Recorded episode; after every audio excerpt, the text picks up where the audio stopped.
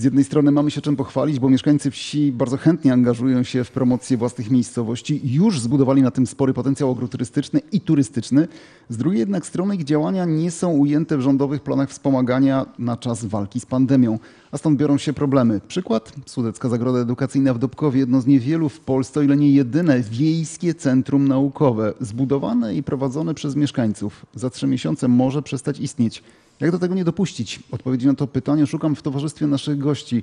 Paweł Czyszczoń, wicedyrektor Departamentu Obszarów Wiejskich i Zasobów Naturalnych w Dolnośląskim Urzędzie Marszałkowskim, Julia Jankowska, szefowa Sudeckiej Zagrody Edukacyjnej w Dobkowie i pan Radosław Zesnarski, prezes Regionalnego Związku Rolników Kółek i Organizacji Rolniczych. W tym gronie nikt nie ma wątpliwości. Takie ośrodki, jak i sama idea rozwijania wsi tematycznych mają rację bytu, są potrzebne. Tylko jak pomóc w przetrwaniu czasu pandemii? Pan Radosław Zesnarski. Trzeba wspomóc, tym bardziej, że tutaj jest lokalna działalność e, osób zaangażowanych często społecznie. Panie prezesie, jak?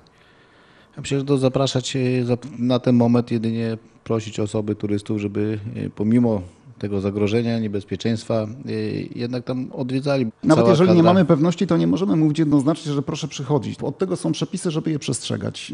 Jaki jest pomysł na to, żeby pomóc? Czy Urząd Marszałkowski może wspomagać tych ludzi z ich realizowanymi już pomysłami? Paweł Czyszczeń. E, jeżeli chodzi o e, środki samorządu województwa dolnośląskiego, pewnego rodzaju środki zostały wyasygnowane na wsparcie branży turystycznej. Co A wiemy roku, w skali całego roku, Dolnego mhm. Śląska, jakie są potrzeby? No potrzeby są bardzo duże. My budujemy swój potencjał na turystyce, mamy bardzo e, liczne atrakcje turystyczne, całe południe Dolnego Śląska jest swoistą mekką dla turystów, także te potrzeby są bardzo duże.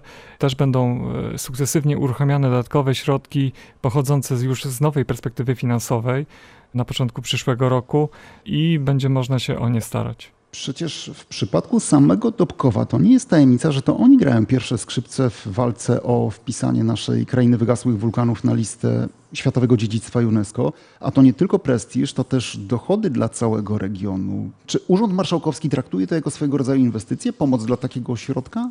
To znaczy na pewno jest to bardzo cenna inicjatywa, tak, e, stowarzyszenia. Pamiętajmy, że to jest stowarzyszenie też jednostek samorządu terytorialnego, skupiające bodajże 17 e, gmin z tego obszaru.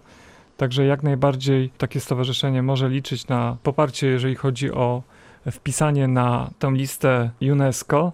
Wydaje mi się, że stowarzyszenie też będzie mogło przystępować do konkursów, które będą organizowane w przyszłym roku na różnego rodzaju dotacje na działalność tego typu ośrodków. A właśnie proszę mi wytłumaczyć, bo skoro działa rządowy program wsparcia dla instytucji kultury, to może czas pomyśleć o podobnym projekcie. Może takie projekty już są e, dla instytucji turystycznych? Ktoś z Państwa rozmawia już na przykład z dolnośląskimi parlamentarzystami na ten temat? I tu zapadła cisza.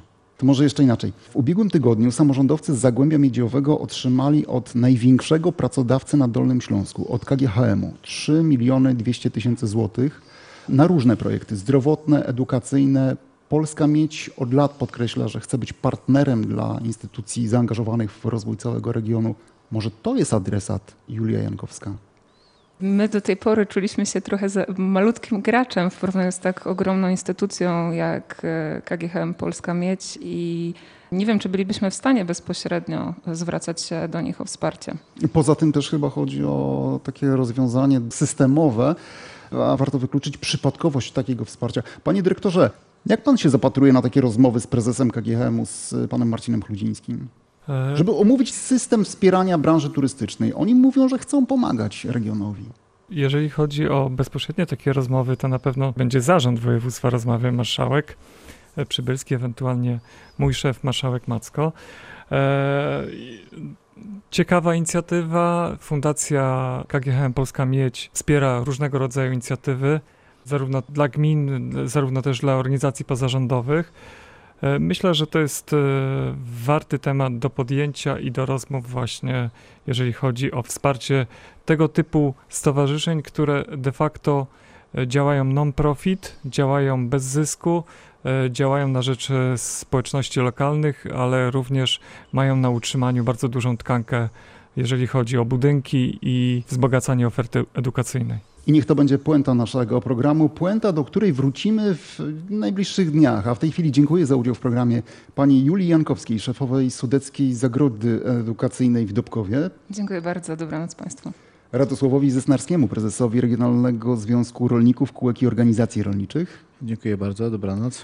Paweł Czyszczoń, zastępca dyrektora Departamentów Obszarów Wiejskich i Zasobów Naturalnych w Dolnośląskim Urzędzie Marszałkowskim, był gościem studia we Wrocławiu, a my tutaj siedzieliśmy w Legnicy. E, Dziękuję bardzo, dobranoc Państwu.